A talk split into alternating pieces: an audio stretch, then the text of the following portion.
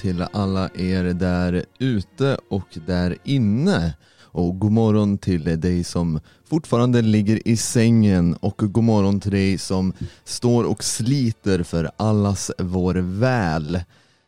Och god morgon till dig som lyssnar i efterhand. För jag vet att ni är rätt många av er där som har den fula ovanan att eh, lyssna på morgonradio på eftermiddagen. Jättekonstigt. Jättekonstigt. Jag heter Ludvig i alla fall och med mig har jag min, min wingman, min rotekamrat, min, eh, eh, mitt, eh, min klippa i det här havet, Björn Björkqvist. God morgon. God morgon, god morgon. Hur står det till i denna fina vackra dag? Uh, är den vacker? Jag vet inte. Det var 14 minusgrader ute när jag ställde mig för att gräva fram rutorna på bilen. Uh, förr har jag haft sådana här plastskrapor men nu fick jag testa dynamit på morgonen för att överhuvudtaget hitta bilens rutor.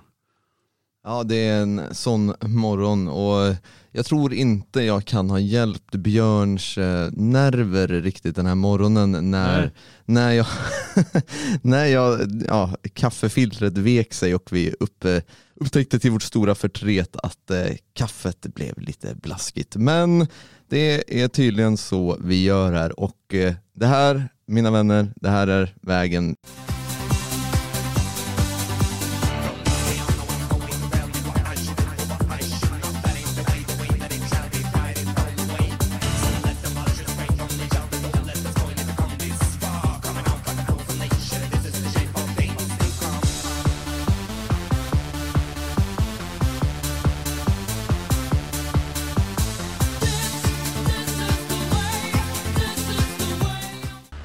E-Type, kära vänner. Och Björn, kommer du ihåg när E-Types pappa satt på Statstelevisionen och hade det här fantastiska programmet? Var, var det Vetenskapsvärlden? Gör det inte det längre? Vetenskapens värld heter Vetenskapens värld tror jag han var programledare för. Han har säkert varit programledare för annat också. Han hade väl något historieprogram tror jag.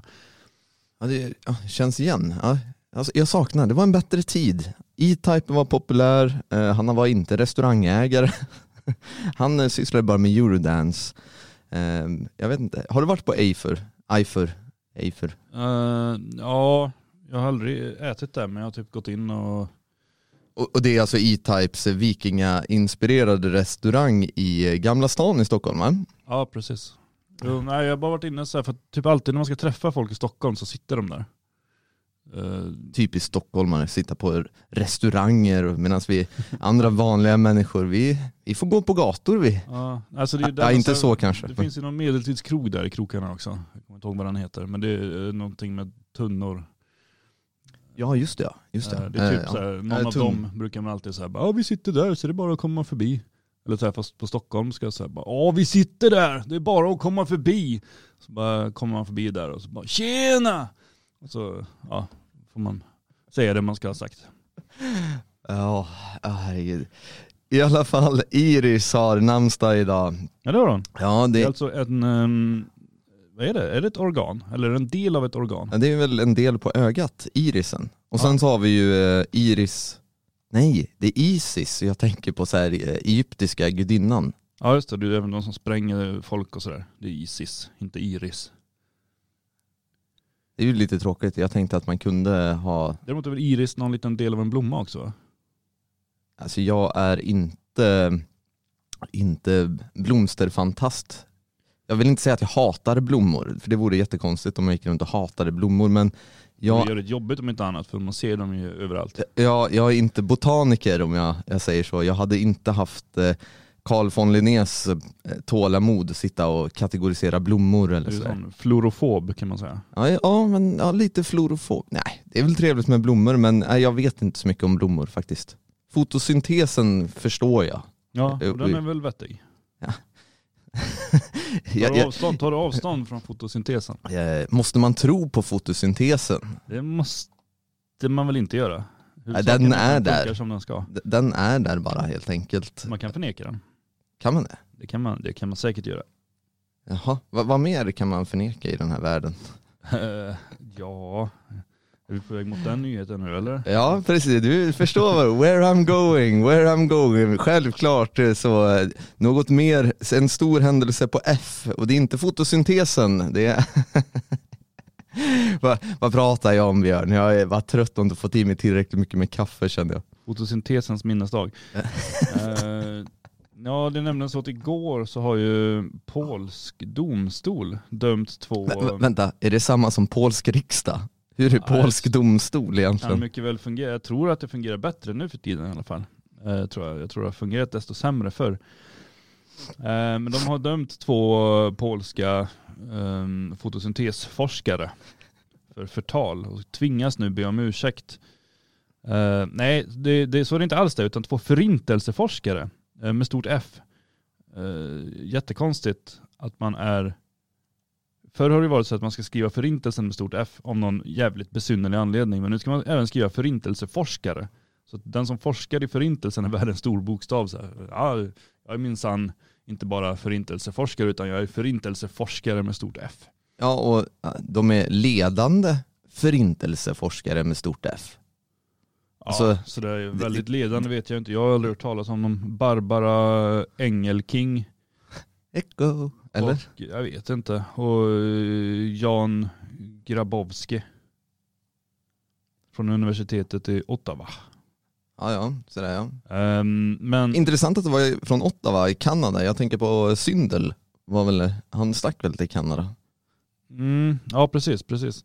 Men de här människorna, de är ju då inte likt Syndel um, uh, tveksamma till, till, till uh, fan det här är jättesvårt. Rådande historiebeskrivning? Nej men ja, jag vet inte, för de här två historieforskarna jobbar ju också med att förändra historiebeskrivningen och liksom försöka hitta nya uppgifter och ändra och sådär. Men de är övertygade om att förintelsen har ägt rum. De är övertygade om att den ska skrivas med stort F. Eh, jag vet inte, de springer säkert runt och, och, och, och tycker att uh, tysken var en av obehagliga typer som ville ha ljudet, hud eller fettstvål. Och de springer säkert runt och tror på alltså, lampskärmar, lampskärmar och förkrympta skallar och allt det här som, som, som man får lära sig, elektriska fotbad och allt vad det finns, uh, blod ur skorstenar och sånt. Eh, men de vill ändå liksom förändra eh, historiebeskrivningen då. Och man får forska i förintelsen om man forskar åt rätt håll i de flesta länder. Alltså typ i Tyskland så får man studera förintelsen och konstatera att det var inte 6 miljoner, det var 6 miljoner 17. Det får man lov att säga. Eh, men man får inte säga att det var inte 6 miljoner, det var kanske ingen just som gasades, då, då åker man i fängelse. Men nu i Polen då så har man ju tydligen börjat med någon ny det var för några år sedan vet jag, så, så började man diskutera det med att man inte skulle få prata om polska koncentrationsläger. För att Polen ville inte få skulden för de um, tyskkontrollerade koncentrationslägren som fanns i Polen. Ja just det. Ja, ja. Uh, och det, det, var många som störde sig på för de tyckte att man skulle visst få säga det för att det fanns min sann polacker som också hade ett ansvar i förintelsen och ingen aj, skulle komma aj. undan det här ansvaret. Så att, uh, därför skulle det vara rätt att prata om den polska förintelsen och sådär. Eh, men det tyckte inte Polen och de har lagstiftat och tro det eller ej, men det är faktiskt polackerna som bestämmer lagarna i Polen. Oj, det, var, ja. låter kon vilket konstigt land. Ja, så har de lagt upp det. Eh, och eh, då, då, är det nu då tydligen som så att ehm, de här två forskarna, vi kan kalla dem historierevisionister för de vill förändra historiebeskrivningen lite grann. Mm. De, dessa tvenne historierevisionister Eh, de vill, vad kan man säga, historieförnekare egentligen för att de vill ändra ändå på den historiebeskrivningen vi har. Dessa två historieförnekare eh, har um, uh, då beskyllt någon tysk jag borde ha läst den här artikeln färdigt innan vi började prata om ja, här, den. Jag, jag hinner ju för jag la den längst ner, men du bara plockar in den först. Nej, nej men så här, det är ju att e- ett av fallen eh, rör att en borgmästare på den polska landsbygden ska ha hjälpt den tyska armén och då ange 22 judar. Mm. Eh, borgmästarens systerdotter som lever har valt att stämma forskarna här nu för förtal. Ja. Och hon har begärt en offentlig ursäkt och 250 000 eh, svenska kronor om vi motsvarar. Jag tror inte hon krävde svenska, svensk valuta men... Eh, Den är inte känd för att vara så här superstark. Jag vill ha det i svensk valuta. Jag vill ha det i sedlar så att jag kan slänga dem om två år. Ja, och det är, eh, det blir en, det här har ju varit uppe i rätten då och i måndags så meddelade domstolen i Warszawa att de båda forskarna förklaras skyldiga till det här. Ja. Eh, och eh, man ska be om ursäkt till systerdottern för att man har smutskastat eh, hennes eh, anfader och sådär. Eller systerdotter. Anfader vet jag inte om det blir riktigt men eh, Släkting. släkting. Eh, men de slipper skadeståndskravet. Och forskarna meddelar att domen kommer att överklagas. Det här tycker jag är så jäkla... Det här, alltså min, eh, min radar här börjar låta och skramla lite här, min eh, eh långnästa eh, radar.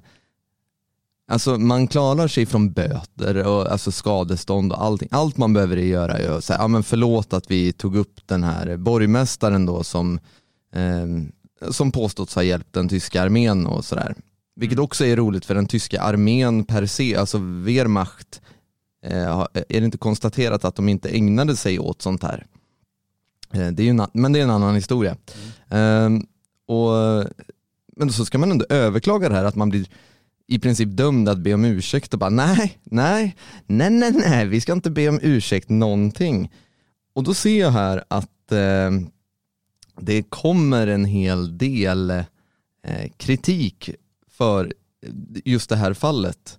Mm. Oh ja. Giss, gissa, från, gissa från var? Vilket, om du får välja e- ett land i världen, vart kommer kritiken ifrån gällande de här frågorna?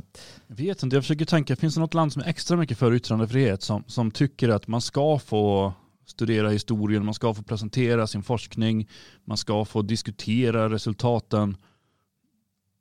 Nej, på rak arm kan jag inte komma på något sånt land. Nej det är så här. Det har kommit ganska hård kritik.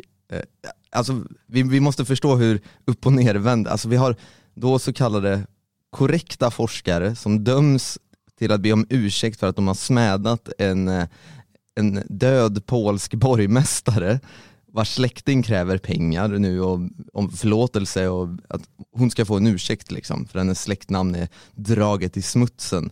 Samtidigt så har eh, regeringspartiet Lag och rättvisa, eh, som du nämnde Björn där, man, har, eh, man vill inte att Polen ska lastas för, för de här koncentrationslägren och man har infört en lag faktiskt som kan ge tre års fängelse för att om man lastar polacker för, för vad man kallar nazisternas folkmord. Och den kallas för förintelselagen som, som också är kritiserad av samma personer som kritiserar den här domen. Mm. Och det kommer från Israel. jo det är klart det Alltså, ja, men, vi måste förstå här nu, vilken värld, alltså under årtionden och årtionden så har historieforskare kastats i fängelse. Folk sitter fortfarande, alltså man dömer Ursula, vad heter hon, Hauerbach, eh, hon... Eh, Tanten, jag kommer inte ihåg. Ja men hon är liksom 93 eller något. Mm. Man slänger 93-åriga tanter i fängelse. Man eh, låter människor dö i fängelse. Man, Ja, men man, har ju till, man har ju till och med det här sjuka, liksom, när, när det har varit rättegångar för att man ska sätta dit en person som har um, haft en avvikande bild av vad som har hänt. Då får inte han sitta i rätten och framföra sina bevis. Utan det handlar bara om huruvida han har sagt saker eller inte. De får inte lov att visa upp att ja, men det, var det, här, det här det var ju det här jag har hittat, kolla på det här. Eh, mm. För när det har hänt, då har ju till och med man kastat advokaterna i fängelse för att de har släppt fram den historiebeskrivningen. Vilket gör det oerhört, alltså eh, det är liksom bara bestämt att så här gick det till. Vi har en punkt i historien som är fastslagen totalt. Den kan inte revideras. Allt annat i historien kan diskuteras, stötas och blötas fram och tillbaka utom förintelsen med stort F. Den sitter fast och det är bara förintelseforskare med stort F som får lov att eh, studera det här. Och det, det är ju så galet. Och eh, jag såg här i Sveriges Radio så har de pratat med någon eh, Uh, alltså ursäkta min polska, men uh, Darius Stola som är professor i historia och tidigare chef för museet för de polska judarnas historia i Warszawa den här personen säger eh, domen syftar till att skrämma historiker som forskar om känsliga ämnen. men, åh, Som till exempel förintelsen. Alltså, säg förlåt! Ja, vi dömer dig till att säga förlåt. Bara, Åh nej! Ni skrämmer mig! Ni skrämmer mig! Bara, hjälp! Hjälp! Det där är ju så genomdumt. Alltså man kastar folk i alltså, tioåriga fängelsestraff för att de har eh, studerat källor och visar på att ja, men här finns ingenting som pekar på någon förintelse. Bara, tio års fängelse. Sen kommer någon här, jag vet inte alls hur, hur, hur den här personen de pekar ut ska ha varit skyldig eller oskyldig till någonting. Men det enda domen säger är att säg förlåt. Och de bara nej, ni skrämmer oss, ni skrämmer oss! Ja, och Yad Vashem, Centret för hågkomst av förintelsen, har beskrivit det här fallet som en allvarlig attack mot fri och öppen forskning. Nej. Nej. Åh, vad trött jag är på hycklande, hattbärande, skruvkorks... Eh, ja, jag tror ni förstår. Men man är ändå glad att det finns eh, i alla fall eldsjälar inom forskningen.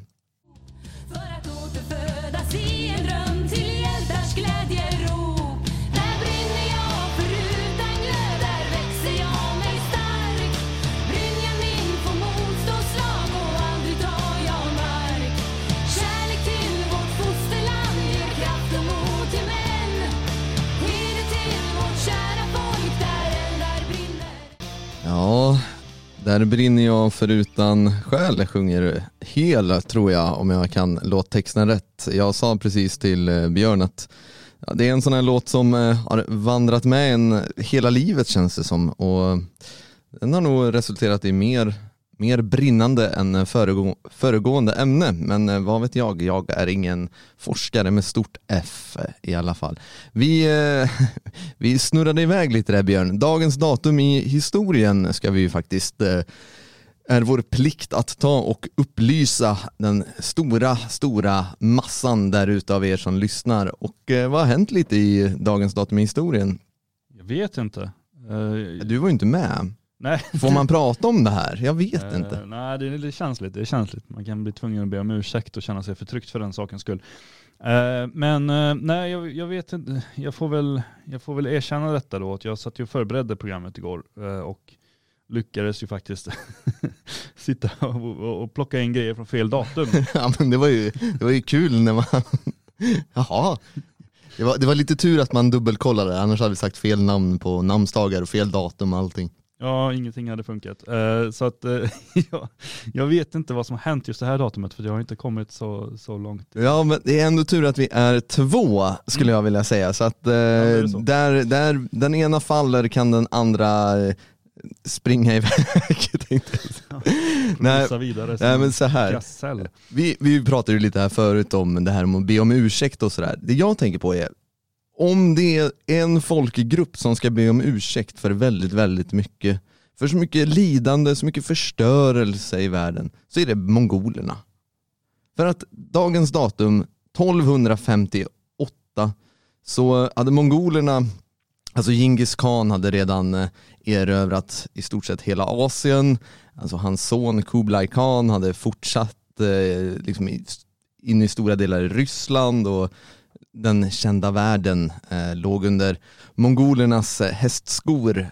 Och eh, det är Hulagu khan som eh, når fram eh, med mongolernas ex expansion. Man når till Bagdad.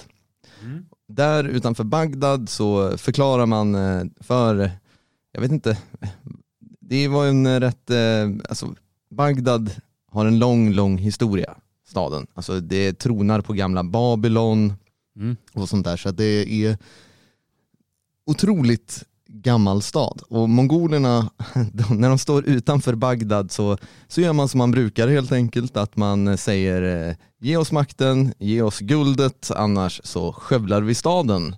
Han är ändå ett erbjudande som är värt att överväga. Ja, med tanke på hur det har sett ut de senaste årtiondena runt om i hela världen där de har stormat fram de här mongolerna.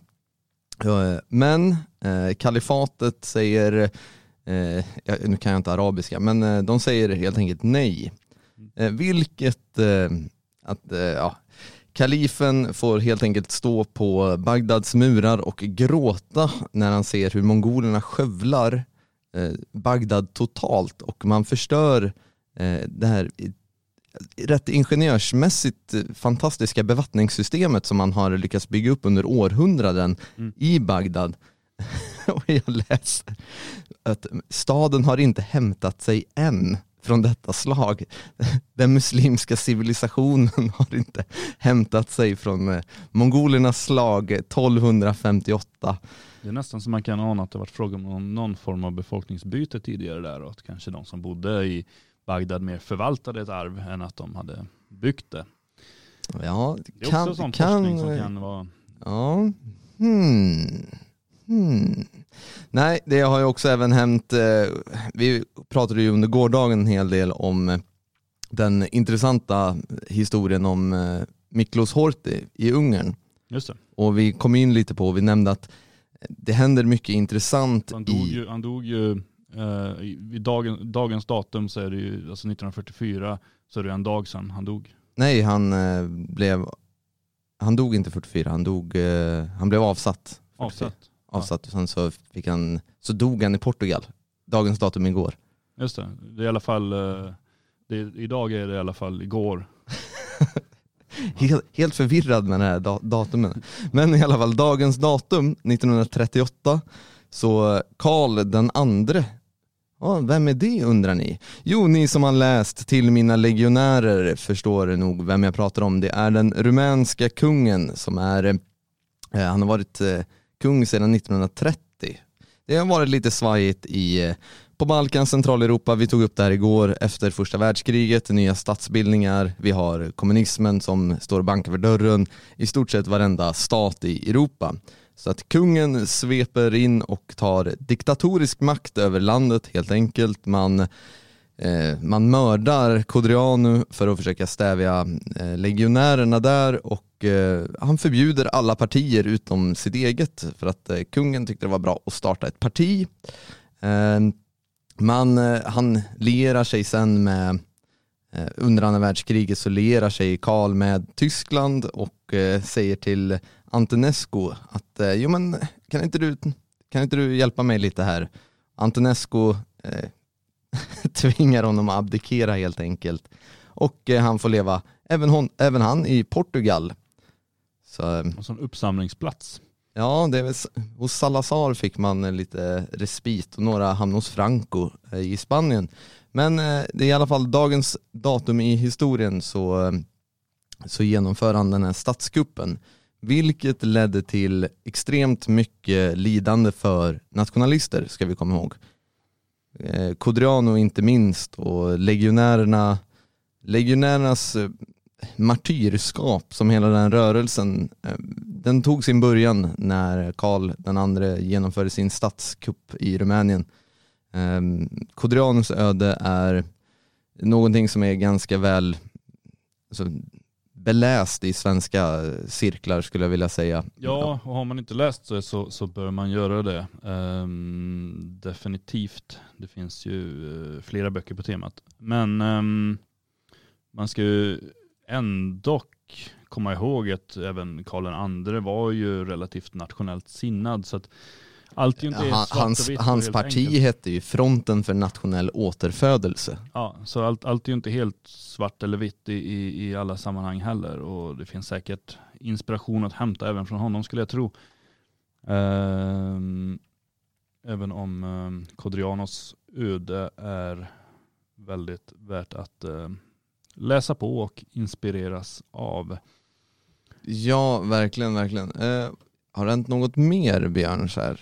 Eh, ja, det har du ju gjort faktiskt. Eh, Någonting mer av? Är det någon som har gått och handlat den här dagen? Det här datumet för ett år sedan, jag hittade ett gammalt kvitto. Eh, Jag köpte strumpor. Nej, jag har inte hittat något gammalt kvitto. Men eh, 1990 så träffade Gorbatjov Helmut Kohl i Moskva och ehm, gick med på att Öst och Västtyskland skulle förenas till att bli ett land. Så det, det är ju ganska eh, historiskt även om själva sammanslagningen skedde senare då, 3 oktober. Men det var där eh, beslutet togs, eller man, man enades och eh, var mm, överens och glada.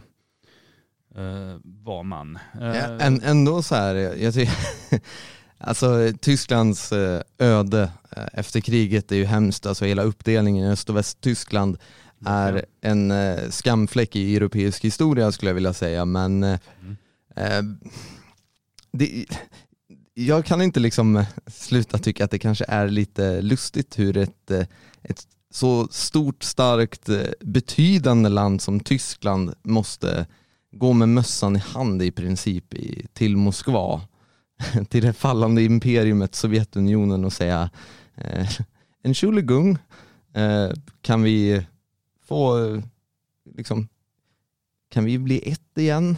Snälla Gorbatjov? Han bara, da, da. ja, alltså. Jo, nej men så är det ju. Men det, det, Tyskland lärde sig ju efter eh, andra världskrigets slut där att, att eh, de ska be om ursäkt för sin existens och man fick ju politiker som, som verkligen var inne på den linjen. Så att, eh, det är ju inte, det är ju inte konstigt. Hela Tysklands öde är ju någonting vi egentligen borde ägna någon morgon åt. Eh, hur, hur det gick till med, med eh, avnazifieringen och, och alltså all, alla mord, allt förtryck, all terror mot uh, tyskar som ägde rum efter andra världskriget är nog så intressant och tragiskt. Ja, verkligen. Och man, ska, man ska komma ihåg också att eh, de kom i fred. De släppte bomber på civila med ord om fred och frihet. Och ja, De var helt enkelt vad man skulle kalla på engelska så kallade peacemakers.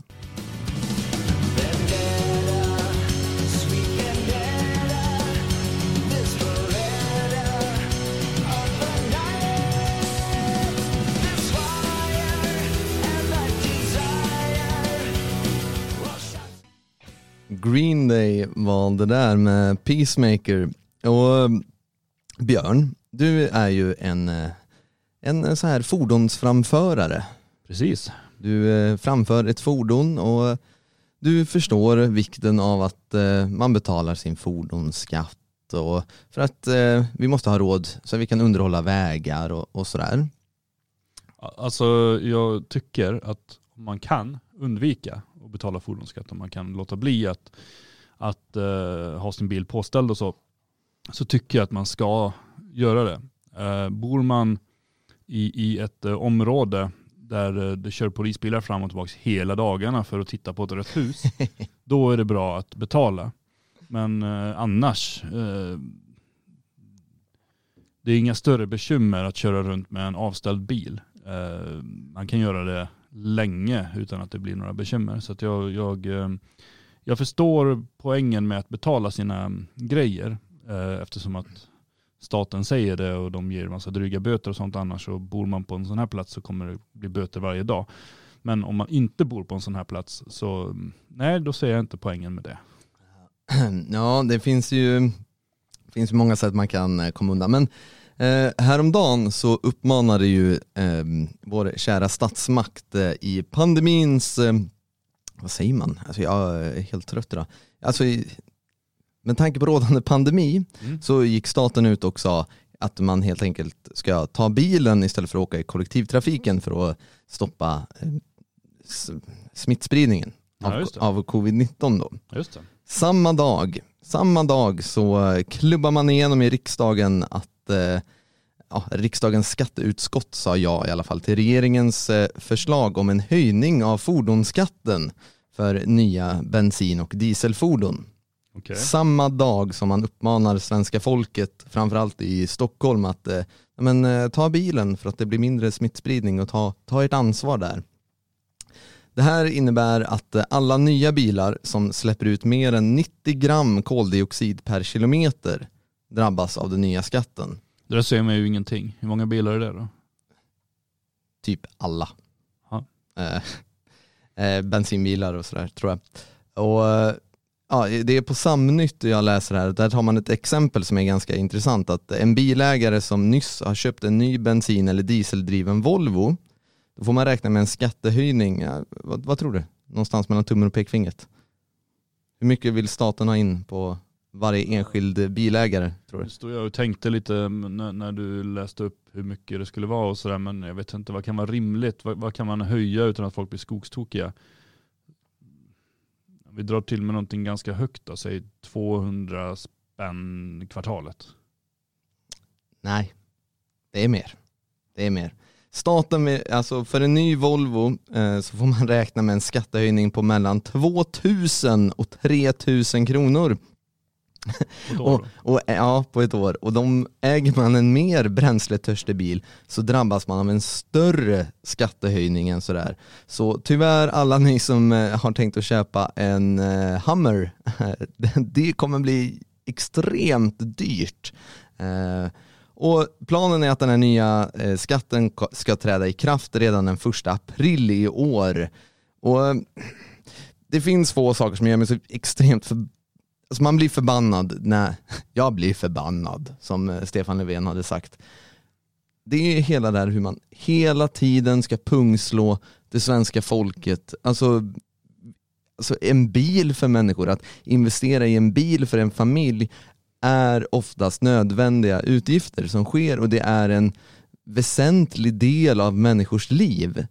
Och där är man inne och petar än mer. Samma dag som man uppmanar människor att använda bilen mer, men vi ska banne mig ta och beskatta dig så inåt helskotta för det. Ja, Jag, man tar ju inte heller bort, alltså vi, vi, vi har ju de här avgifterna för att köra in i Stockholm och Göteborg. Jag vet inte om det, det är väl fler städer nu kanske. Uh, med tullavgifterna, de har man ju inte tagit bort heller. Bara, vi uppmanar er att köra bil, men det ska kosta så här 40 spänn varje gång ni passerar in i Stockholm ja, och eh, Det, det är ju fullständiga galenskaper man håller på med. Så bara, ah, nej, men nu ska vi hålla på och tokbeskatta extra. Det är redan svindyrt att äga bil. Alltså bara att äga bilen. Uh, och, och att framföra den sen då med alla bensinskatt och så vidare. Och nu ska man sätta igång då ännu mer beskatta bilarna som man äger. Det är ju fullständig galenskap. Alltså bara, varför ska man göra det? Bara, jo men för att vi vill uppmana folk att skaffa elbil istället. Bara, ja men vad händer om varenda jävel har en elbil och ska ladda den en natt i december eller i januari eller februari? ja, vi får liksom inte ens dammsuga i det här landet. Nej, Hur ska vi kunna ladda elbilar? Tänker jag. det är ju fullständigt vansinnigt. Men jag tror någonstans för att när hon, eh, Miljöparti, den här alltså fullständigt galna tanten som blev eh, deras nya språkrör. Stenevi. Ja. Mm. När hon eh, valdes så höll hon, eh, gick hon ut och höll något tal. Hon har även gått ut sen på sociala medier och läst upp någon liten kort, ett litet kort manifest som säger att man ska bygga ett Sverige för människor, inte för bilar. Man vill ju alltså få bort bilar överhuvudtaget samtidigt som man står och har fräckheten och säger att hela Sverige ska leva. Man vill ju ha ihjäl hela Sverige. Alla ska bo liksom i, i, i de här eh, små fina områdena där, där journalister bor eh, som är liksom utspritt på fem ställen i Sverige. Det är där människor ska befinna sig, det är där människor ska bo och de är ju inte beroende av ström eller bilar eller någonting tror man. För att maten den kommer ju av sig självt uppe i affärshyllorna. Allting kommer av sig självt. Man behöver liksom inte ström och sådana där basala tramsgrejer. Fullständigt sjuka i huvudet är det här förbannade politikerpacket. Ja, verkligen. Och det är ju bara så de fortsätter och fortsätter hela tiden för att komma med massa nya lagar och, funder- eh, liksom, lagar och förslag om och om igen. Och vi kommer prata lite mer om det efter det här. Du ska allting ta med dig när du går morbror Jan kleptoman. Du har farmors syskrin mellan dina lår. Spotta fram tant Almas brosch med ädelstenen koinor. Man ska ingenting ta med sig när man går. Köksan där är också vår. Povel Ramel och eh, en bra vis om kleptomanerna i riksdagen skulle jag vilja säga. Det är de man ofrånkomligen kommer att tänka på. För att inte bara så ska de stjäla våra skattepengar, eller de stjäl dem inte, de beskattar oss något inåt bomben. Stjäl dina och mina pengar om och om igen samtidigt som vi tvingas leva i det mångkulturella helvetet dag ut och dag in. Och eh, det verkar som vi aldrig blir av med de här, eh, nu ska jag vandra lite på linjen här, de här, eh, vad säger man, hasarerna kanske man ska säga. De här unga pojkarna från Afghanistan som dyker upp i tid och otid i bland annat i Danderyd, Moderaterna där gillar de inte. Jag tror det var Danderyd, nej, det var en annan Stockholms, eh, Eh, Tyresö. Eh, Tyresö det. Tyresö. Eh, De dyker upp lite överallt och eh, de eh, har en, en liten fetisch för äldre batikkärringar och sådär. Eh, Hela det etablerade Sveriges små, små gullgrisar som eh, tyvärr kanske sticker ut en del i eh, brottsregister också med tanke på det de begår dag ut och dag in. För nu kommer det ytterligare ett förslag från vår kära statsmakt och regeringen att eh, det ska vara tillfälliga lättnader i gymnasieregelverket till följd av spridningen av covid-19. Okej, vad betyder det? Jo, den här gymnasielagen som eh, kommer att eh, komma in i Sverige och i svenskarnas medvetande, som den hette, afghanlagen, där man i princip sa, ja men det är okej att ni stannar, ni afghaner som bara kräver och härjar loss något så inåt bomben. Ni har traskat hit värre än vad mongolerna traskar över jorden. Eh, men då, nu är det så här att svenska staten förstår ju att det är lite svårt att komma in i svenskt arbetsliv nu när det är pandemi. Så därför så vill man eh, eh, man vill att eh, de här afghanerna ska ha möjlighet att, eh, eh att stanna kvar eh, 12 månader eh, efter eh, avslutade studier och man ska få 12 månader på sig att hitta ett arbete istället för 6 månader som det var innan då.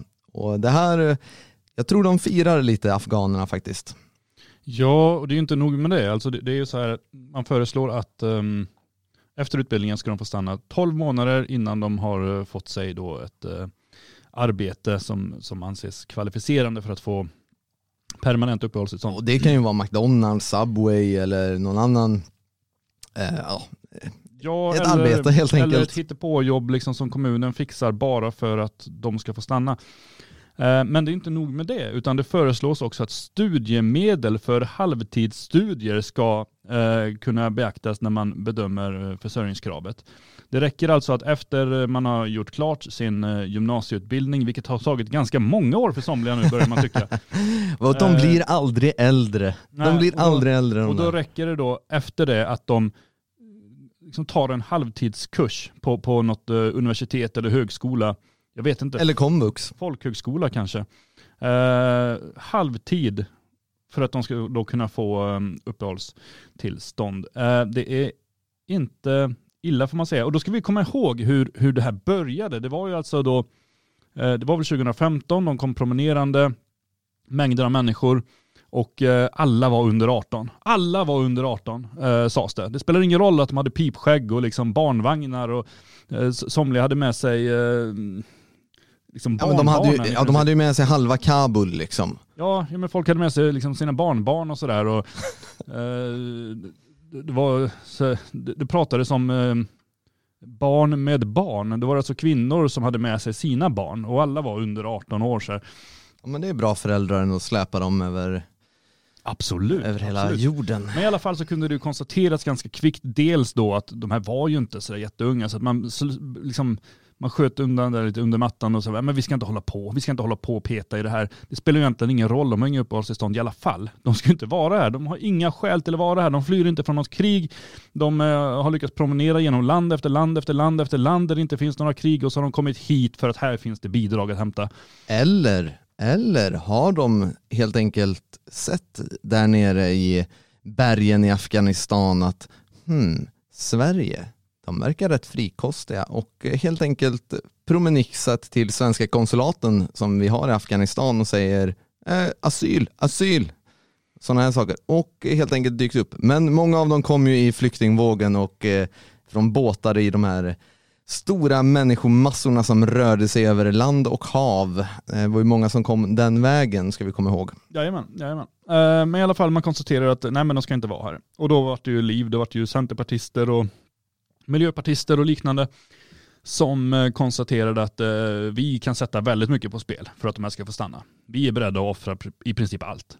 Vi, vi, vi kan, så här, våra andra liksom, kärnpunkter, vi skjuter dem åt sidan. Det här måste vi enas omkring. Vi kan kompromissa hur mycket som helst. Och man satte igång och kompromissa och hade sig och plötsligt så hade vi den här gymnasielagen som i sig var väldigt tramsig. Det var liksom att ja, men om de stannar, eh, går gymnasiet och sen när de är färdiga så inom sex månader så skaffar de sig ett riktigt arbete. Då ska de få stanna för att då, då kommer de rota sig och allting kommer bli frid och fröjd och alla kommer bli glada. Det kommer ett ansats Så åker de tunnelbana och blir svenskar. Ja, absolut. Ehm, och sen så visar det sig att det blev ju inte riktigt allt så. Eh, några har droppat av, de har hoppat av skolan, de orkar inte, det var inte värt det. Liksom, vadå, vi har inte kommit hit för att gå i skolan, vi har kommit hit för att få pengar. Så somliga har gått under jorden och blivit eh, så kallade papperslösa, andra har väl lämnat Sverige antar jag. Eh, men det finns ett gäng kvar, jag tror det är 7000 någonting, som befinner sig här då och har hållit på med det här nu. Och så kom eh, den här pandemin.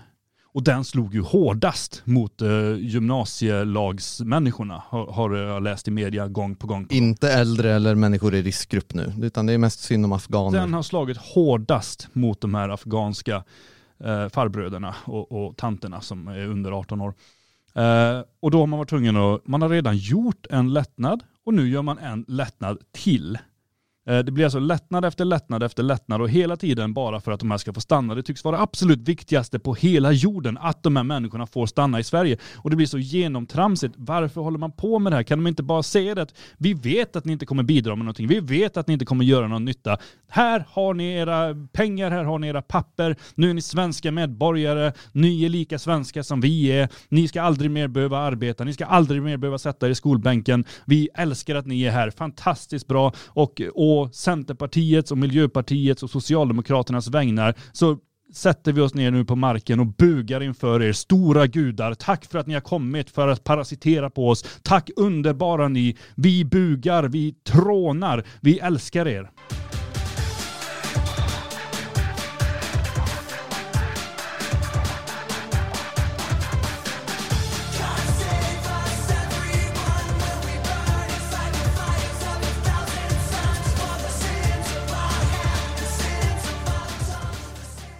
Sitter på mörka kammare och skriver hatfulla inlägg. De organiserar sig via internet för att sprida disinformation och bara förtroendet för staten ska helt enkelt gå ner. Man tror inte på egentligen någonting för man är, sitter i, man är hemlig och man vill bara förstöra hela den här fantastiska Sverigebilden som Stefan Löfven äntligen har lyckats bygga upp. Och förtroendet för Sverige i hela världen är ju som vi alla vet skyhögt. I våra slutna grupper på Facebook, där sitter vi. Och vi kan diskutera svensk coronahantering. Vi kan förklara ajabaja staten, ni är för slappa. Nej, Sveriges Radio har gått ut här i dagarna och rapporterat om att det är extremt många hemliga och eh, även offentliga nätverk, men mycket hemlighetsmakeri. Där sitter de, coronaförnekare, de som tycker staten är för slappa, de som är vaccinförnekare och så. Vad är det jag pratar om Björn? Du har skrivit en hel del på Nationalisten om det här, att det är Sverigebilden som är under attack eh, enligt eh, Sveriges Radio. Ja, eh, det är ju, Sveriges Radio har ju då tagit sig in i en hemlig grupp på Facebook. Aj, aj, aj. Ja, och eh, som alla vet, eh, sätter man en grupp på Facebook som sluten så har man massa hemlighetsmakerier. Eh, Så är det. Det är där revolutionen diskuteras. det är där revolutionen startar rent av. Ehm, och man har ju då hittat den här gruppen där, där det är ett gäng forskare, en och annan med liksom medicinsk utbildning, lite olika människor med kunskap och intresse kring eh, alltså pandemier och, och smittspridning och sådär, som har kommit till en annan slutsats än vad staten har gjort. Eh, det är alltså människor som tycker att Sverige har varit alldeles för slappa, man vill låsa igen Sverige, gör ungefär som eh, ja, Tyskland och Spanien och sådana länder har gjort. Stänga igen landet och, och, och låta folk sitta instängda ordentligt. Jag eh, köper inte alls den här ehm, Eh, lösningen som de här människorna har.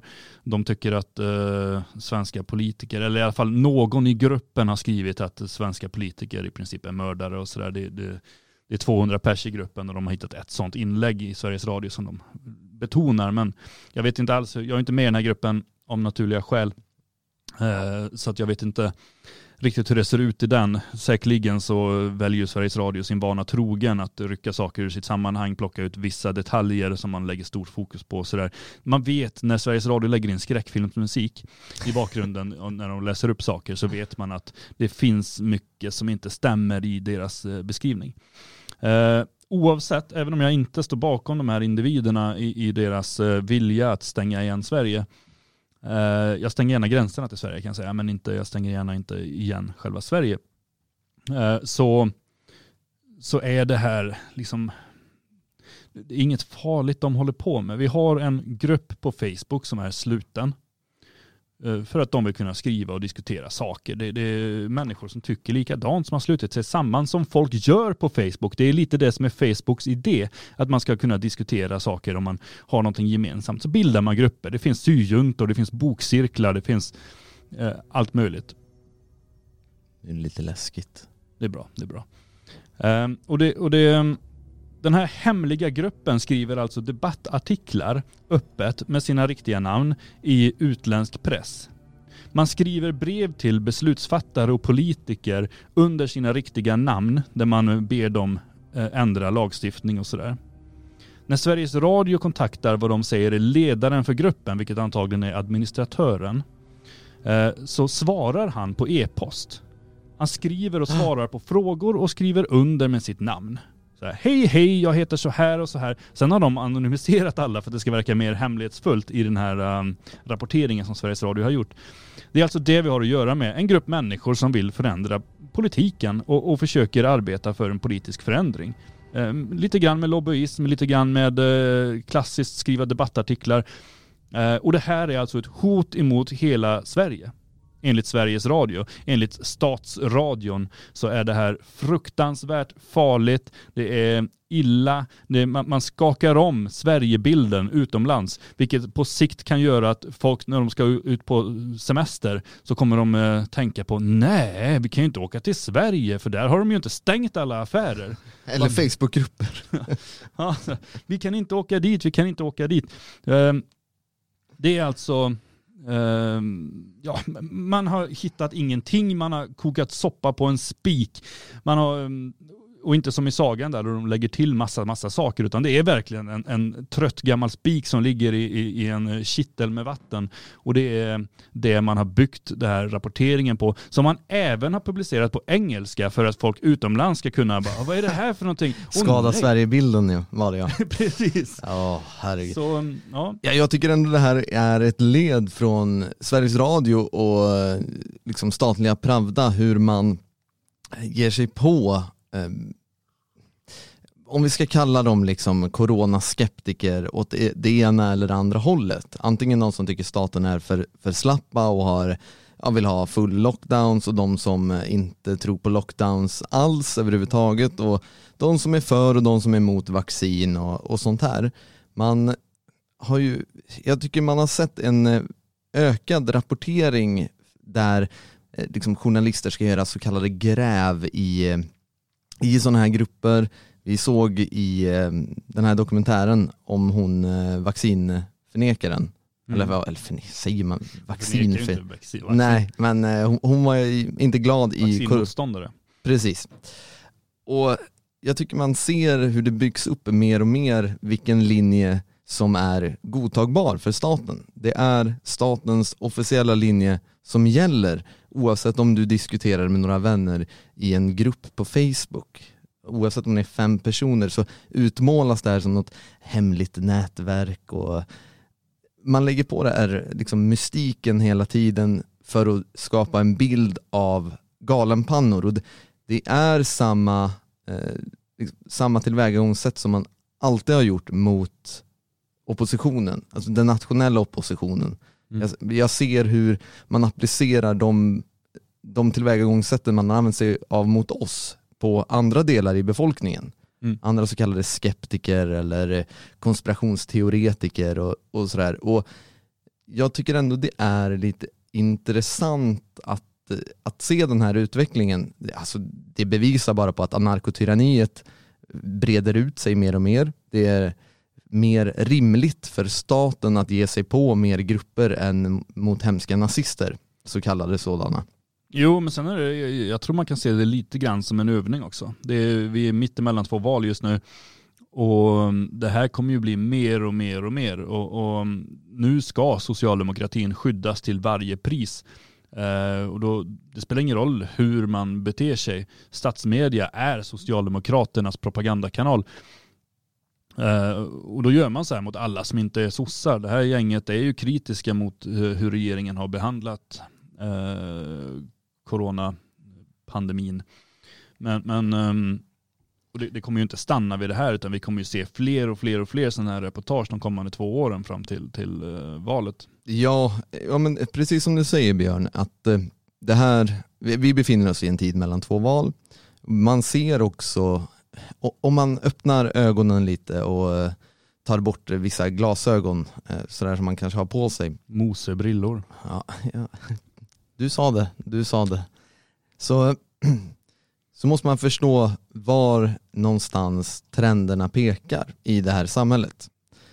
I ett samhälle så finns det extremt många olika trender man ser. Nu pratar jag inte om vad folk har på sig för kläder eller vad folk, är- att eh, folk, alla ska äta tacos på fredagar. Alltså inte sådana trender här nu. Utan politiska trender och vad som sker opinionsmässigt. Vi ser hur det blir ett mer parallellt samhälle. Svenskarna har, eh, sluter sig mer till andra svenskar. Fler och fler. Fler och fler håller på att bli medlemmar i exempelvis det fria Sverige. Eller vaknar upp någonstans och inser, eh, eller inser, tycker att Jimmy Åkesson borde vara kung över hela världen och man sållar sig till Sverigedemokraterna. Som faktiskt på riktigt nu börjar bli en, en folkrörelse. Mm. Och det kanske är en hel folkrörelse av arga boomers, jag vet inte, men vi ser ändå den här kritiken mot hela statsapparaten nu. Och kan jag se det så kan, så kan journalister se det. Då kan människor som jobbar högt uppe i staten, de ser och förstår. Och just nu så handlar det om att försöka rädda det, eh, alltså de försöker konsolidera sin makt så att den aldrig kommer hamna i Jimmy Åkessons händer. Eller någon annan för den delen heller. Man vill bygga en totalitär stat i någon form, men under demokrat, demokratins skrud.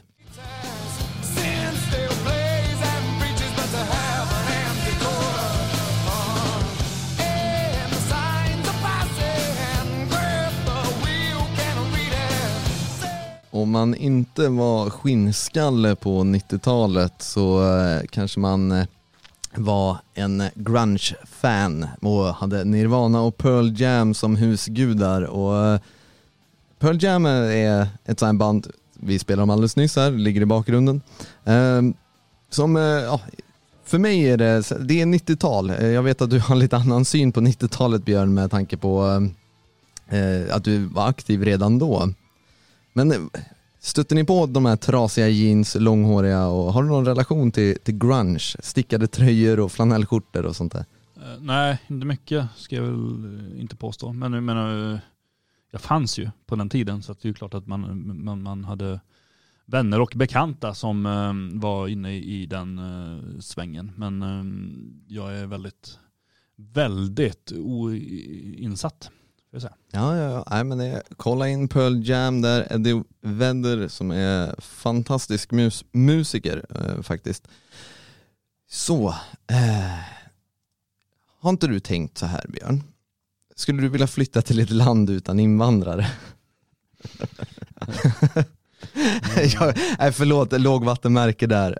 Eh, så här, det är Cypern faktiskt, som eh, vi har ju gått igenom en del lagförslag och sånt där från den svenska regeringen, så vi blickade utomlands och eh, tänkte att Cypern, det är rätt schysst där. Eh, Många svenska studenter har eh, befunnit sig i Ayia Napa och eh, festat loss när de ska ta studenten. Det som är underbart med Cypern, och jag pratar om självklart det riktiga Cypern, inte turk-cypriotiska sidan, utan eh, det riktiga Cypern. Där har det kommit in ett lagförslag mot asylinvandring eh, som menar att eh, det är enbart cyprioter som kan vara eh, cypriotiska eh, medborgare. Mm. Eh, och det är så, Så här, eh, lagstiftningen mot asylinvandring ska på så sätt att den som själv har invandrat olagligt eller har en förälder som har invandrat olagligt till Cypern aldrig under sitt liv kommer att kunna få medborgarskap i landet. Det här inkluderar då turkcyprioter. Mm. Det här gör mig extremt glad känner jag att det är ett eh, land som eh, säger, säger bara nej men ni kommer aldrig, har ni tagit er hit olagligt så kommer ni aldrig kunna bli medborgare i vår statsbildning, i vår nation. Och det som är så underbart det där det är att det blir kritiserat, ah, men det, här, det, här är ju, det här är ju rasism, rasismen! Och då är det bara så här, det som konstateras på Cypern är att ja, nu krävs det ärligt talat mer rasism och mi- mindre invandring för att få det här landet på, på eh, liksom rak köl igen. Och jag tycker det är upplyftande att se hur, hur faktiskt länder vandrar den här vägen liksom åt en mer restriktiv invandringspolitik. För vi ska komma ihåg att Cypern med tanke på sin, eh, sin position i Medelhavet har eh, fått utstå väldigt mycket. De är ju med i Europeiska unionen så att eh, det har simmat i land en hel del på ön faktiskt. Och sen ska vi ju icke att förglömma att Erdogan öppnade upp gränsen mot eh, grekcypriotiska sidan och fullkomligt flödade eh, liksom Cy- Cypern med bland annat afghaner och sådär som tog sig in och ansökte asyl i, i valfritt europeiskt land. Så att eh, numera så kan man semestra på Cypern och känna ett litet hopp om rasism. Ja, verkligen, verkligen. Det, det är ju fantastiskt. Eh, Och det är ju den här utvecklingen som sker runt om i, i hela världen får man säga, men, men, men eh, kanske framförallt i, i Europa. Eh, i Sverige ligger ju som vanligt lite efter, lite hopplöst efter, men man ser ju ändå i, i eh, folket så sker det ju starka förändringar. Sen har vi ju mm, hamnat i ett politiskt läge där vi har en politikerklass som inte alls känner igen sig i befolkningens problem och bekymmer. Men eh, det är väl bara en tidsfråga innan sånt börjar rätta till sig också. Ja, ja men vi får hoppas att eh, alla de här studentresorna till Ayia Napa och på andra ställen i, på Cypern ger, eh, ger avkastning. Jag hoppas att studenterna där eh, som åker lär sig mer än hur man dricker öl upp och ner, går på skumparty och beter sig allmänt depraverat. Att man faktiskt eh, lär sig lite om grekcypriotisk kultur och invandringspolitik hoppas jag. Vad tror du? Kommer vi få se en anstormning av eh, svenska studenter som lär sig det här på sina studentresor? Nej, det tror jag väl inte däremot. Det är väl kanske andra saker som lockar när man eh, åker dit, skulle jag tro. Um, men man vet ju aldrig. Något kanske de uh, snappar upp när de i, i förväg ska googla och se vilka, vilka fester de ska gå på. Det får man se. Jag tänkte på, vi var inne lite grann innan där på Sveriges Radio hur de beter sig och jag hade ju skrivit en artikel där på nationalisten.se. Eh, jag kom på ett exempel till nu när vi hade musik här Mhm. hur Sveriges Radio, för jag, jag satt och lyssnade på Sveriges Radio när jag körde bil för en, ett par dagar sedan. Och eh, hemskt då berättade man om eh, GameStop och aktiehandeln där och förklarade att vi- vi- vilket hot det här var mot småspararna. Ja, Just det. och, man läxade upp och förklarade att man, ska handla aktier ehm, eh, utifrån vad experterna säger. Och Man ska inte liksom gå på internettrender och sånt för att det blir väldigt, väldigt kostsamt. Och som småsparare så kan man förlora allt man äger om man inte gör som eh, Ja, men det kan, man, det kan man ju i vilket fall. Alltså har de inte förstått det här med, med liksom aktier och börsen, alltså det är självklart att du kan förlora allt du äger och har. Om du lägger in allt du äger och har i aktier. Eh, Det sa de inget om. Alltså jag menar, så här, om vi tar ABB som exempel, alltså en aktie som har stått sig ganska bra, och, eller AstraZeneca, Atlas Copco eller något annat liksom storföretag eh, som är alltså en stabil aktie. Men det kan ju hypotetiskt hända någonting som gör att den aktien störtdyker och människor blir bankrutta.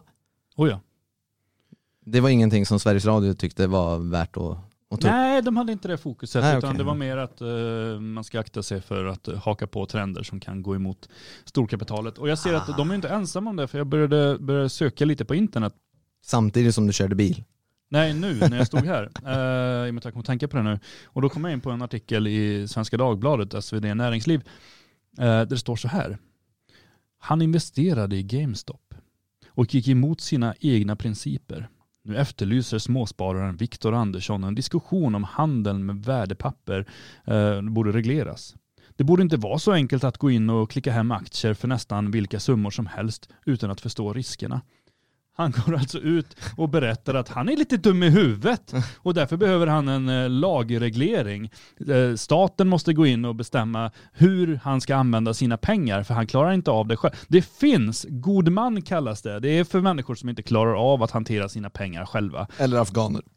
Eh, nej, god man heter det, inte afghaner. Nej men eh, afghaner har ju, kanske behöver ha lite goda män. Rent ekonomiskt har det visat sig också. Ja, många har väl det tror jag. Eh, Men, men det, det, jag menar, att, att den här Viktor Andersson, jag har ingen aning om vem han är, men jag tippar ju på att han röstar på sossarna typ. Ja, Jag, jag tror det vill ha att staten ska, eller någon form av myndighet ska förklara vad som, vad som är bra på aktiemarknaden. Och då har man ju, alltså då har man ju helt missat hur, hur det fungerar och man är ju helt enkelt frimarknadsmotståndare. Det, men det är socialdemokratin, det, det ska vi komma ihåg. De är ju emot hela alltså det här sättet hur man handlar. På det. Visst, det är visserligen jag med, men man får väl play it by the rules. Eh. Jo, alltså det, det jag kan också ha synpunkter på, på uh, hur, hur aktiehandeln ser ut och hur den fungerar och det finns mycket eh, inneboende problem där definitivt.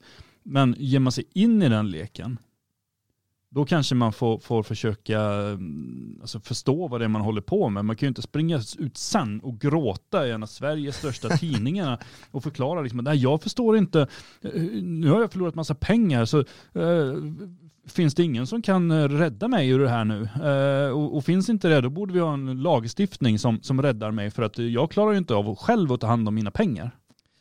Det, det får mig lite grann att tänka på, eller det är inte jag som kommer att tänka på det, för jag hittade också det nu när jag satt och letade här, någon som gör jämförelsen med um, Göran Greider. Ja, den, När, när han gick ut och sa att eh, Sverige måste införa en sockerskatt för han har lite svårt att gå ner i vikt. Ah, vad är det här? Alltså, är människor så extremt efterblivna att man behöver ha storebror som säger åt dig, ät inte socker, handla inte där. Och så ska man tillsätta en jävla myndighet och jag blir beskattad till döds för att jag ska köra bil. Jag får fan inte dammsuga, ingenting. Men staten ska förklara, nu, nu du Ludvig, nu du Björn, nu ska du bete dig si och så, gör si och så. Och så sitter de här jävla klappmongorna och bara, ja men det är bra att de förklarar hur vi ska göra saker. Nej! Nej, har ni inte förstått vad det innebär att alltså vara fri och leva, vara en egen individ, en del i ett folk där man kan bestämma över sina egna tankar. Man kan ju, alltså, man får agera utefter vad man själv känner och vem man är. Bara så här, okej, nu känner jag för att dricka vatten. Nej, staten säger att nu har vi vattenransonering så du ska inte dricka vatten. Ja men jag står här i en sjö. Liksom jag själv kan inte dricka det här rena, nej, nej, staten. Staten kan fan mig dra åt helvete. Ja det kan den. Det kan den. Eh, det är fantastiskt roligt i alla fall. Nej men Jag jag orkar, jag orkar inte med de här extrema klappmångrarna och jag blir mörkrädd när jag vet att de rör sig där ute bland oss. De sitter säkert i hemliga Facebookgrupper och bara skriver hur de vill att staten i princip ska hålla på och bara stoppa upp statens äckliga tentakler i våra ändtarmar så jävla mycket att de kan hålla på som att vi är mupparna liksom hålla på sådär. Jag orkar inte med det här något mer Björn. Vad, vad gör jag? Ah! Jo då, jo då. 7 juni 2016. Göran Greider vill ha hjälp mot sitt sockersug. Jag vet att man inte får säga så här men eh, Nu hoppas han att staten ska ge honom hjälp på vägen Alltså, genom att i- införa skatt på varor som läsk och socker. Göran Greider, jävla... eh, Ja, det, det kanske är lite fult av mig men eh, han, har ju, han fick ju cancer här och man behöver inte alltid vara ledsen.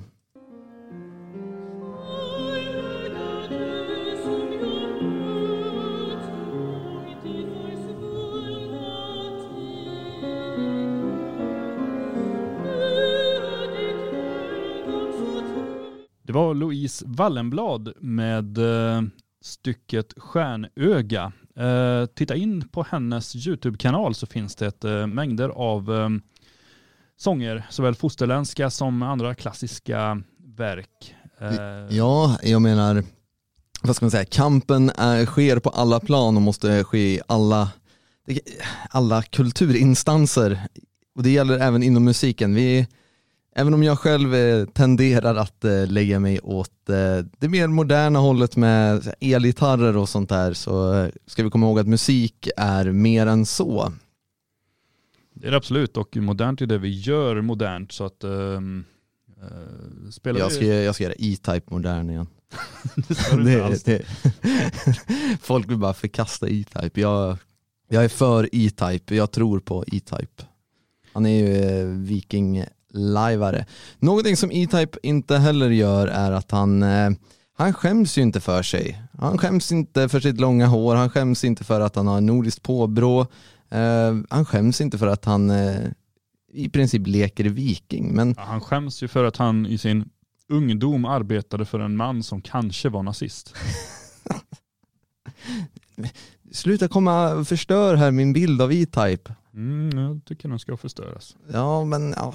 men det man ska ju alltid skämmas om man får tro etablissemanget och de mediakåta människorna som jobbar på deras redaktioner. Men någon som inte heller vill skämmas eh, är ju vår lilla favorit på Aftonbladet. Det är ju Åsa Linderborg. Nej, hon kommer ut väldigt ärligt får jag säga här. Jag, jag, jag ska citera vad hon säger. Jag är rasist. Det kommer jag alltid vara. Bra, bra Åsa! Välkom välkommen till de hemliga Facebookgrupperna. Eh, det är inte allt hon skriver. Det, Så, så, det var klart där med Åsa Linderborg. Men jag. eh, vi skulle haft den här artikeln igår, tänkte vi prata om den, men, men det var det att jag, då hade inte jag läst den. Jag, jag har fortfarande inte Du, gjort det. du gör jag, en Jalle Horn här. ja, men jag stannar, jag stannar liksom där. Jag känner mig nöjd när jag har läst de två meningarna, sen vill inte jag läsa längre. Ja, Så att okej. du får berätta vad den handlar om. Ja, Okej, nej så här. Åsa Linderborg har, eh, hon har läst eh, den här boken av eh, en viss Robin DiAngelo som heter på svenska Vit skörhet. Robin DiAngelo, du, du, du, du. men så svara då. Ja, jag tror inte det var samma där, men det, kanske, kanske. Nej men där den här boken eh, är ett led i, vad ska man säga, den nya extremt moderna vänstern där eh, man pratar om vit överhöghet och man pratar väldigt, väldigt mycket om ras och hur vita egentligen är ett problem egentligen. Ja. Och Lindeborg, den gamla kommunisthaggan, hon, tycker hon hänger inte riktigt med i det här. För vi har ju konstaterat i flera tillfällen att revolutionen äter sina egna och jag tycker det här är ett riktigt bra exempel på det här. Hur den moderna vänstern ger ut böcker och pushar för den här nya liksom, grejen om att ras existerar men det är problematiskt.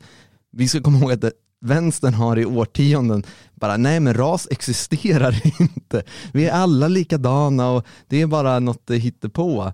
Eh, och det, det är ju det här som blir roligt när, eh, när den nya vänstern förklarar för den gamla vänstern att eh, nej men ni är vita, ni kom inte här och ta ton. Mm. Och det här, jag tror det, det, det blir jobbigt för Åsa Linderborg. Hon vill ändå ha sitt eh, mandat i, i den svenska vänstern. Och det blir jobbigt det här. Och eh, det är ju Dagens Nyheter som har pushat för, för den här boken och ja, Aftonbladet själva har ju skrivit om boken i ganska positiva ordalag så att Åsa Linderborg går emot allt och alla här. Och eh, hon, hon förklarar i, i den här artikeln lite grann att eh, hon har massa fördomar och, och sådär. Att- Hon skriver även att jag vet att min grisfärgade hud är enorm och att mitt svenskklingande namn än så länge gett mig fördelar. Hon vet att hudfärg gills, alltså hon skriver en liten förklaring där om att ja, jo men okej då, det, jag, jag vet att eh, det finns ett vitt privilegium men det hon ställer sig frågande till är att hon, ska stra- att hon som vit kvinna ska straffas socialt bara för att de här nykomlingarna kommer här och, och, och pratar om ras. Och det blir jobbigt, så hon, hon försöker vända på, på steken här och bara, men va, kan inte, det är ni som är rasister egentligen och hur, hur tänker ni om ni jobbar med någon icke-vit och om ni sitter och äter middag med en kines, berätta, hur har ni tänkt att behandla alla nu eller nej, det här är ett mentalt baklås. Alltså, någonstans är det är det är bara kul att stå vid, vid sidlinjen här och se hur de faktiskt förtär varandra. Ja, jo, men, det, det är underhållande att se och det, det finns ju en stor konflikt just nu eh, inom vänstern mellan eh, den så kallade identitetsvänstern och den kanske mm, mera 68-vänstern som i sin tur ju har haft sitt krig med eh, den gamla alltså, proletariatsvänstern. Det, det är ju en ständigt pågående kamp där eh, Lindeborg har varit på den ledande sidan i många år och nu håller på att tappa den när eh, den här nya rasvänstern dyker upp. Eh, vilket är kul, hon borde ju ha sett det komma. Eh, definitivt. Och eh, det har kommit med full kraft. Eh, när, jag, när jag söker lite på den här boken, jag har inte läst den, jag, jag eh, köper inte eh, sån här litteratur när den kommer därför att den jag vill inte ge dem pengarna utan jag brukar titta efter dem efter något år på antikvariat och så. Eh, men den är ju väldigt hyllad, alltså det är ju Sveriges Television, det är Dagens Industri, det, det är mängder av eh, olika, Svenska Dagbladet, alla hyllar den här boken som väldigt välbehövlig och viktig och någonting som får vita människor att tänka efter och den är förbluffande säger Kulturnyheterna. Eh, som också hoppas då att det, det kommer ehm, eh, föra den svenska debatten in i en mer sofistikerad eh, riktning. Eh, det, det, ehm, det är ju där vi står just nu. Uh, fullständigt galet är allting upp och ner. Vi håller på att förneka raser i många år därför att det skulle då gynna de andra raserna. Uh, men nu har man ju kommit så pass långt så att då vill man ju lyfta fram de andra raserna så de ska gå om oss. Uh, och då måste vi trycka ner de vita och vi måste höja upp de svarta och det passar ju bra just under den svarta historiemånaden. Och det är ju det man håller på med just nu. Från att man har ju, man har ju ändå upptäckt det att när vi bara förnekade raser, då var det ju väldigt svårt att samtidigt ge de andra raserna fördelar. Eh, så, så det är ju där vi har hamnat nu. I USA har man hållit på med det här i många, många år. Och det är ju först nu det börjar hitta till Sverige. Ja, eh, men jag tycker att man ser, alltså den här splittringen i den svenska vänstern, den är också ganska spretig ska vi komma ihåg. Vi har ju de här, eh, nu visserligen väldigt små partierna som har startats där människor från den så kallade yttersta vänstern har eh, blivit högerextremister i, i medias ögon där man har en lite mer nykter syn på saker som invandring och sådär men man är fortfarande marxister. Man, alltså, ta en sån som Marcus Allard exempelvis Mm. eller eh, Framåt Sverige och, och, och sådär. Man har den här röda nationalismen som Expo benämnde det som. Men jag tycker mig ana lite samma tendenser även på Aftonbladet för det är Ingvar Persson, den gamla gubbkommunisten som håller på och skriver även där på Aftonbladet att eh, nationalism kanske handlar om vad man fyller den med och pratar om traditionalism och eh, nationalism eh, där det handlar om att man ska ta tillbaka traditioner och man ska välja traditioner och hur den nation man vill försvara beskrivs. Och att socialdemokratin har varit skicklig på det här men det behövs ändå någon, någonting mer här nu där man vill använda sig av nationsbegreppet eh, för att kunna implementera sina idéer. Det här är också en skiftning vi ser hos vänstern där man totalt har förkastat fosterlandet innan och, och nu, så nej, Ja, nu, nu ska man någonstans- gå tillbaka till nationen och försöka. Jag tror du förstår vad jag menar här Björn, att man använder nationen som ett, ett redskap mer, alltså där man vill ha de här, vad ska man säga, underblåsande tonerna av nationalism som genomsyrar det svenska folket just nu. Och svenska folket är förbannade. vi är svenskar och det där lyser igenom mer och mer. Man vill rida lite på de här populistiska vågorna av nationalism som kommer. Jo, så är det absolut. Men man, det är ju egentligen en form av tillbakagång. Det som, eh, vad heter de, Malcolm och Allard Mm. har hållit på och förespråkat eh, och, och som även nu då börjar hitta in på Aftonbladet tydligen. Det, det är ju egentligen bara gammal klassisk alltså Sovjetunions retorik där man ska skapa den nya medborgaren eh, och, och bygga en nation kring den. Man tror ju inte på eh, den alltså etniska aspekten. Man, man förnekar ändå eh, alltså nationsbegreppet som det egentligen är. Alltså en, rikt, alltså en folkgrupp.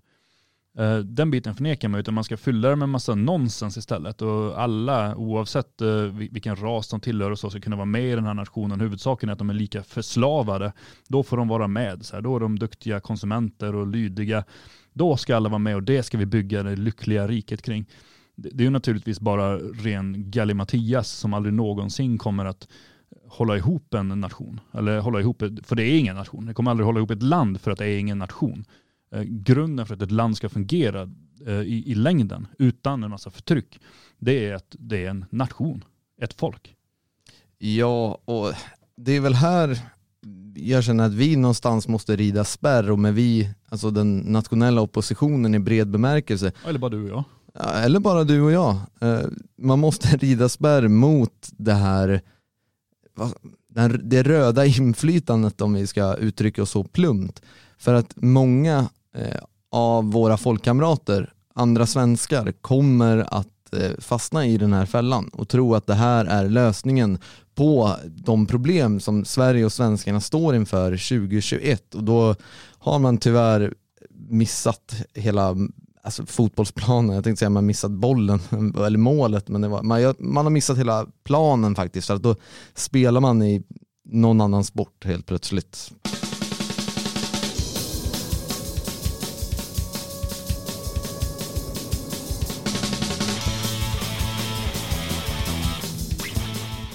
Bound for Glory var det där med Stuka Pilot. Um, Björn? Jajamän. Jag vet att eh, jag vet att du, du faktiskt är en riktig modehaj. Du är, klär dig i de mest fashionabla kläderna och du har väldigt stort intresse för hur människor faktiskt klär sig och det är viktigt med fashion. Oh ja, oh ja, jag har alltid den senaste trenchcoaten. Åh, så här. Eh, Victoria, kronprinsessan, arvtagerskan till konungariket Sverige.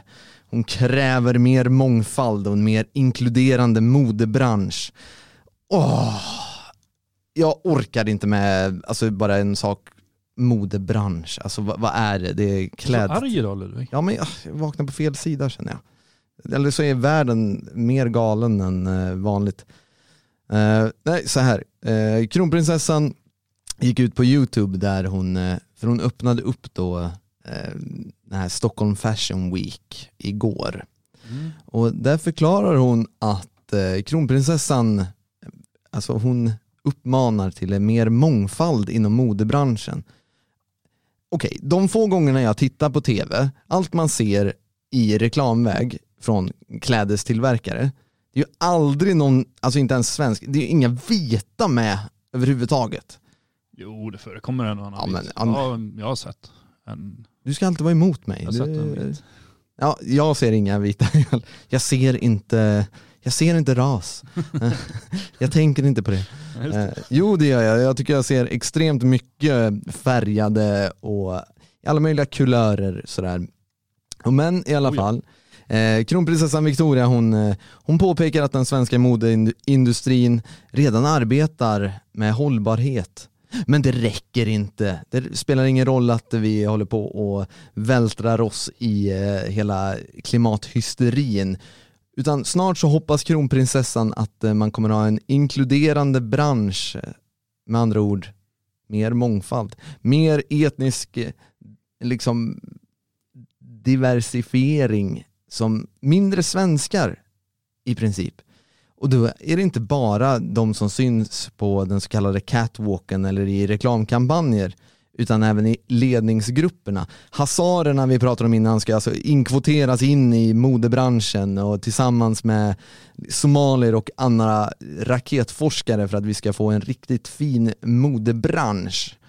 För att det är en bransch som befriar snarare än sätter gränser, förklarar kronprinsessan. Jo, men det är väl kanske lite det det handlar om. Alltså för att jag menar, i, i, på catwalken och i kampanjer så är det ju redan väldigt inkluderande om man ska använda ett vulgärt uttryck. Men, men eh, i ledningsgrupperna så är det ju mycket möjligt att det inte alls är så. Det kanske är mest bara vita och judar som sitter där.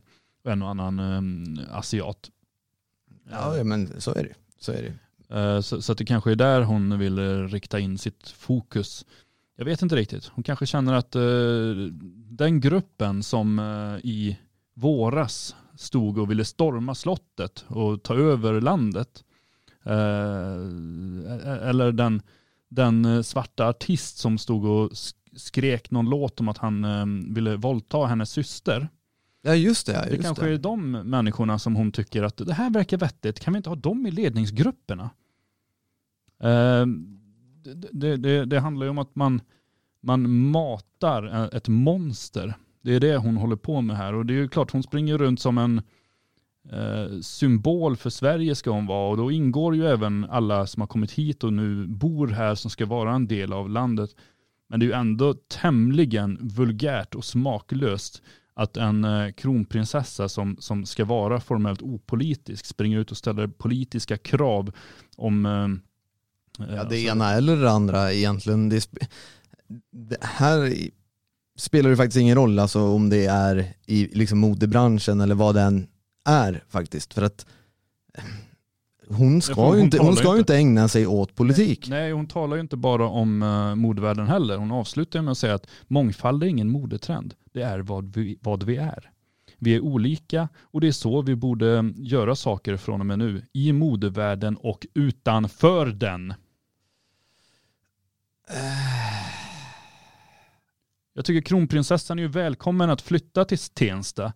Eh, hennes bror fick ju bo när, när han gjorde lumpen i Karlskrona eh, i flottan så fick ju han den stora äran att bo i eh, Karlskronas getto, för det var där man placerade militärerna. Eh, vilket slutade med att eh, han fick eh, flyttas därifrån för att det fungerade inte på grund av eh, att invandrare höll på och trakasserade honom.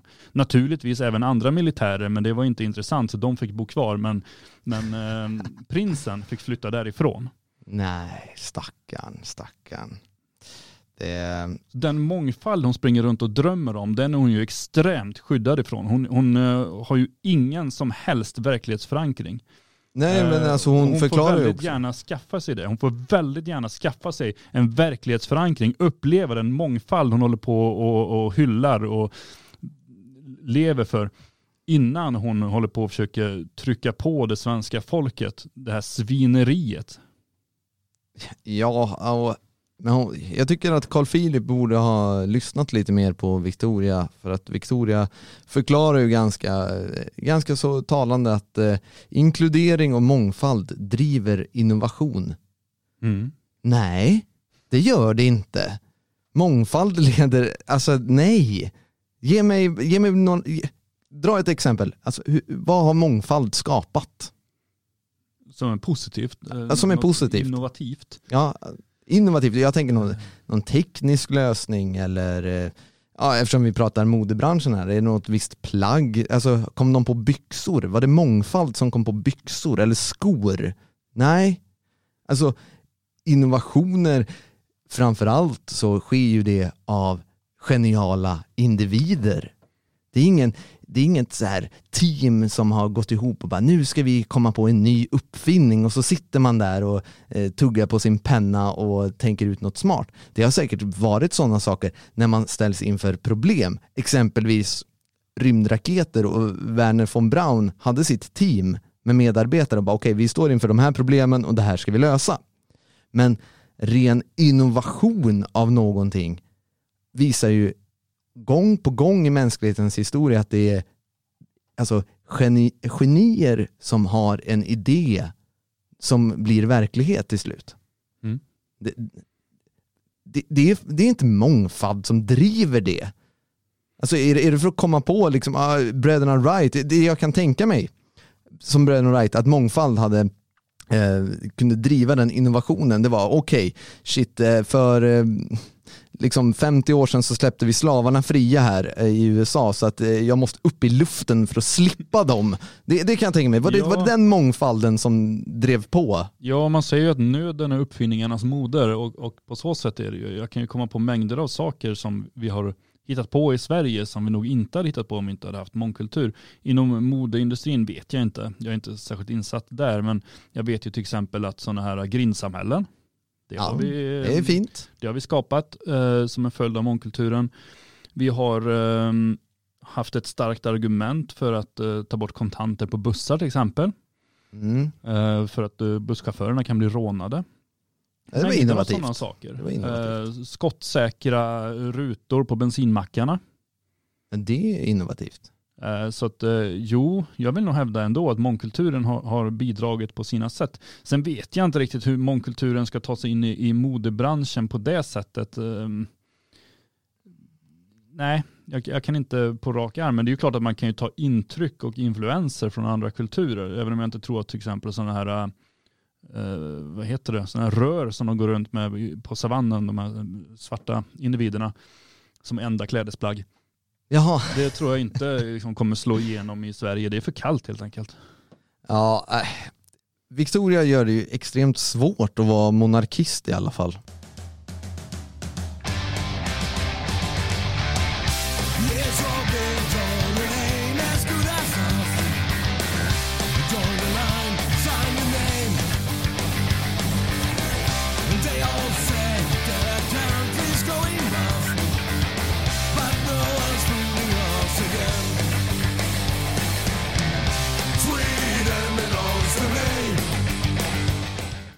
Code 291 med en cover på Coxbearers, England belongs to me, men det här var ju självklart med Sweden belongs to me av eh, den alldeles, alldeles jättetatuerade Joakim Karlsson som sjunger där.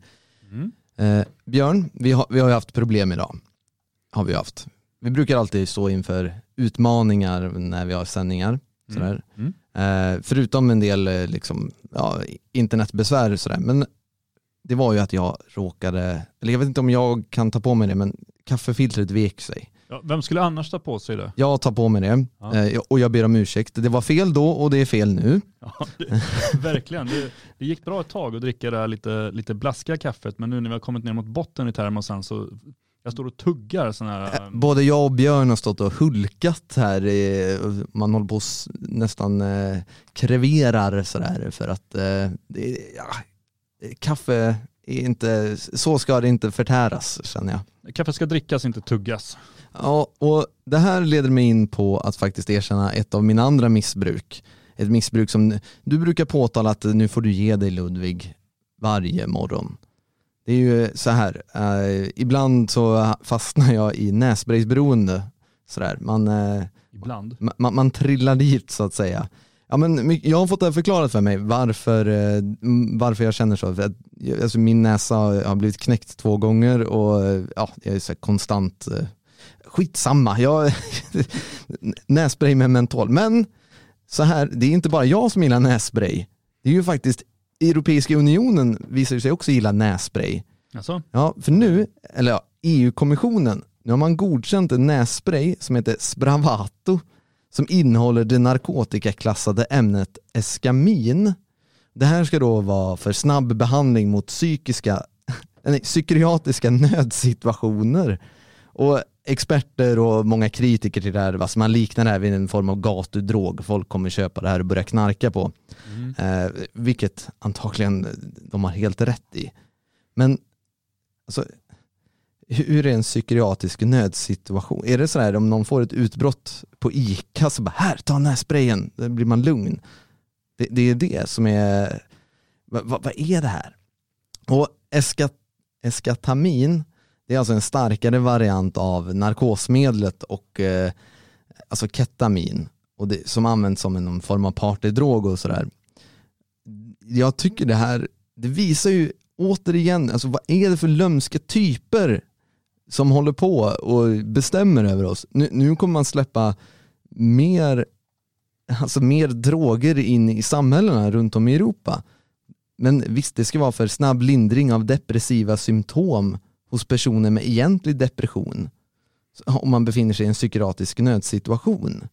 Men jag tror det här kommer leda till Jag att, hänger inte med alls. Kommer det gå att köpa överallt för alla människor var som helst? ja, Ja. Är det sånt du går omkring och stoppar i näsan? nej, svar nej, eh, absolut inte sånt. Jag kör så här mentol, eh, gör jag. Och nej, men det som är problematiskt med det här skulle jag vilja säga, det är ju att man ger en mer alltså tillgång till starka kemiska ämnen som är beroendeframkallande och får folk att bli påverkade. Har vi inte det tillräckligt känner jag, alltså både illegala och legala sådana. Alltså vi har ju extremt många läkemedel som är ute på, på marknaden som folk får, får liksom av läkare som är narkotikaklassade som folk blir bäng på.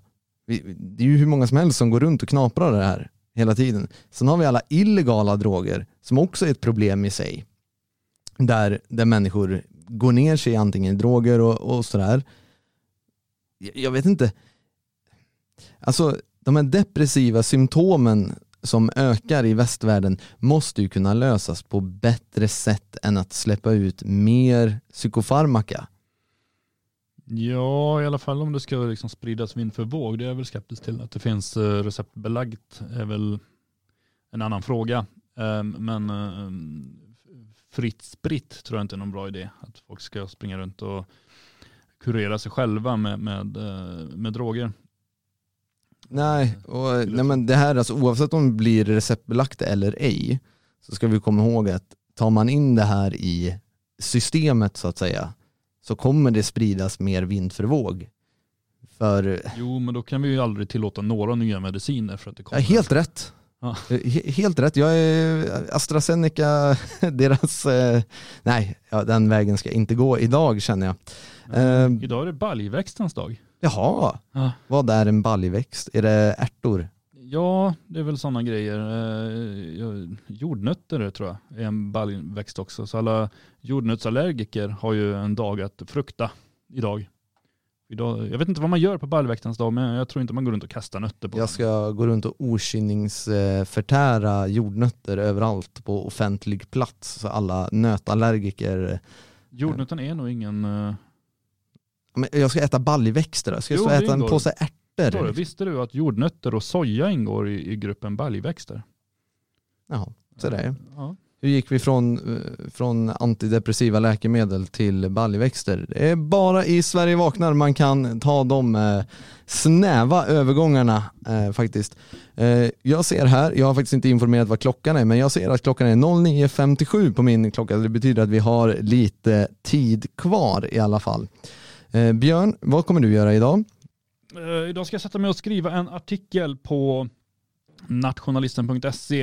Eh, sen ska jag se hur det går för Magnus med papperstidningen, om jag ska korrekturläsa lite där eller komma med små synpunkter på eh, innehåll och så. Det är snart dags att eh, skicka ännu en tidning på tryck. Det är fantastiskt kul hur den tidningen går framåt. Prenumerera inte på den så gör det för att det är en eh, helt fantastisk tidning skulle jag säga. Sen ska jag väl sätta mig, eh, eller ställa mig i eh, Svenskarnas hus bibliotek och sortera böcker. Jag har eh, kommit fram till att vi måste göra om systemet där. Det är, det är redan sorterat men det ska sorteras ytterligare. Det kom väl mer böcker igår efter, efter vi, vi fick ju paket förra veckan Ja. och nu fick du ett paket igår igen. Det kom böcker igår igen eh, från en Göran, vilket vi tackar för. Ehm, och har ni litteratur som ni tror kan komma till glädje i Svenskarnas hus och fler får ta del av det så tveka inte att skicka. Det är väldigt välkommet även om det ger mig lite extra jobb just nu. Men, men ehm, snart Så när jag, skicka, skicka. Låt Ja. han jobba. när jag har sorterat färdigt så kommer vi ha ett bra system och lätt att ställa in och Ehm, det tror jag blir kanonbra. Vad ska du göra idag då? Eh, idag så kommer jag eh, faktiskt ringa runt rätt mycket i vårt avlånga land, kolla hur det står till för föreningen och sådär. Sen kommer jag även dyka upp klockan 8.00 med Frode Midjord i veckans hädelser och eh, vi kommer prata lite om dels digitaliseringen och hur vi lever i ett kontantlöst samhälle. Allt det här hänger ihop. Eh, Så det hoppas jag att ni är med och lyssnar på då i alla fall. Är det gratis att lyssna på det eller? Det är gratis att lyssna på på svegot.se. Hur är Det- det möjligt? Det är möjligt tack vare våra eminenta stödprenumeranter som stödjer det här projektet som är svegot.se och hela Radio Svegots satsning. Vill du också vara en sån här lysande stödprenumerant och få del av exklusiva saker, saker, träffar, varor. Det kommer komma väldigt mycket intressant för er som är stödprenumeranter. Så är det bara att klicka sig in där på hemsidan. Och har ni inte gjort det så gå även in på detfriasverige.se. Där får ni mer fysisk närhet eh, och mer i verkligheten. Och där, det är i föreningen Det Fria Sverige vi faktiskt kan bygga någonting för oss själva så att eh, man slipper få utbrott likt jag får varje dag när jag tittar in i Sverige AB och man bara blir trött helt enkelt. Det kan man slippa i Det Fria Sverige om man är en del för man har sin framtid säkrad. Då fick vi allt det här sagt och då tackar vi för oss och hoppas att ni har en fortsatt underbar dag.